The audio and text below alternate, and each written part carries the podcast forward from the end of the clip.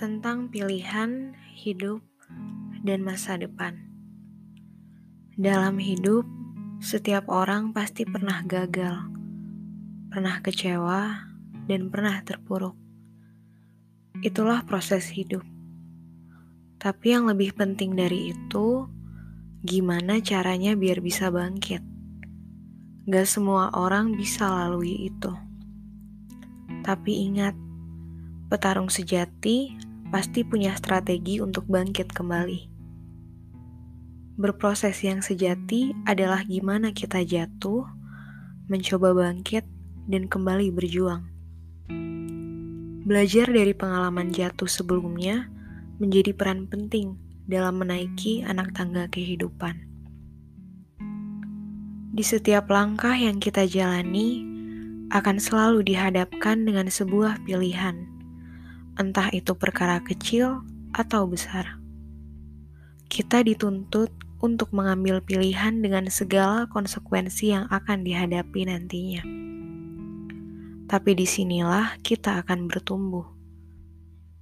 Ketika mengambil sebuah pilihan, kita akan cenderung memacu diri untuk masuk ke dalam pilihan kita, beradaptasi, dan kembali berjuang melewatinya itu adalah sebuah tanggung jawab yang harus diterima.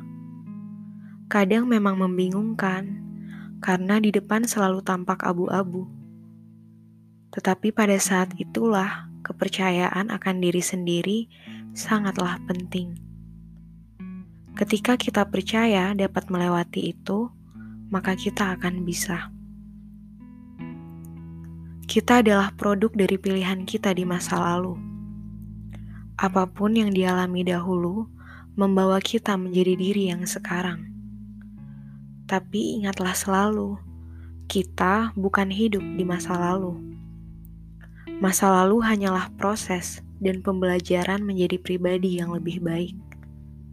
Kita hidup di masa sekarang, yang setiap harinya punya cerita tersendiri. Nikmati hari ini, jalani hari ini, dan berusahalah hari ini. Dan untuk cerita di masa depan yang akan dihadapi, kita akan lebih baik jika terus belajar dan berproses di setiap peristiwa hidup kita.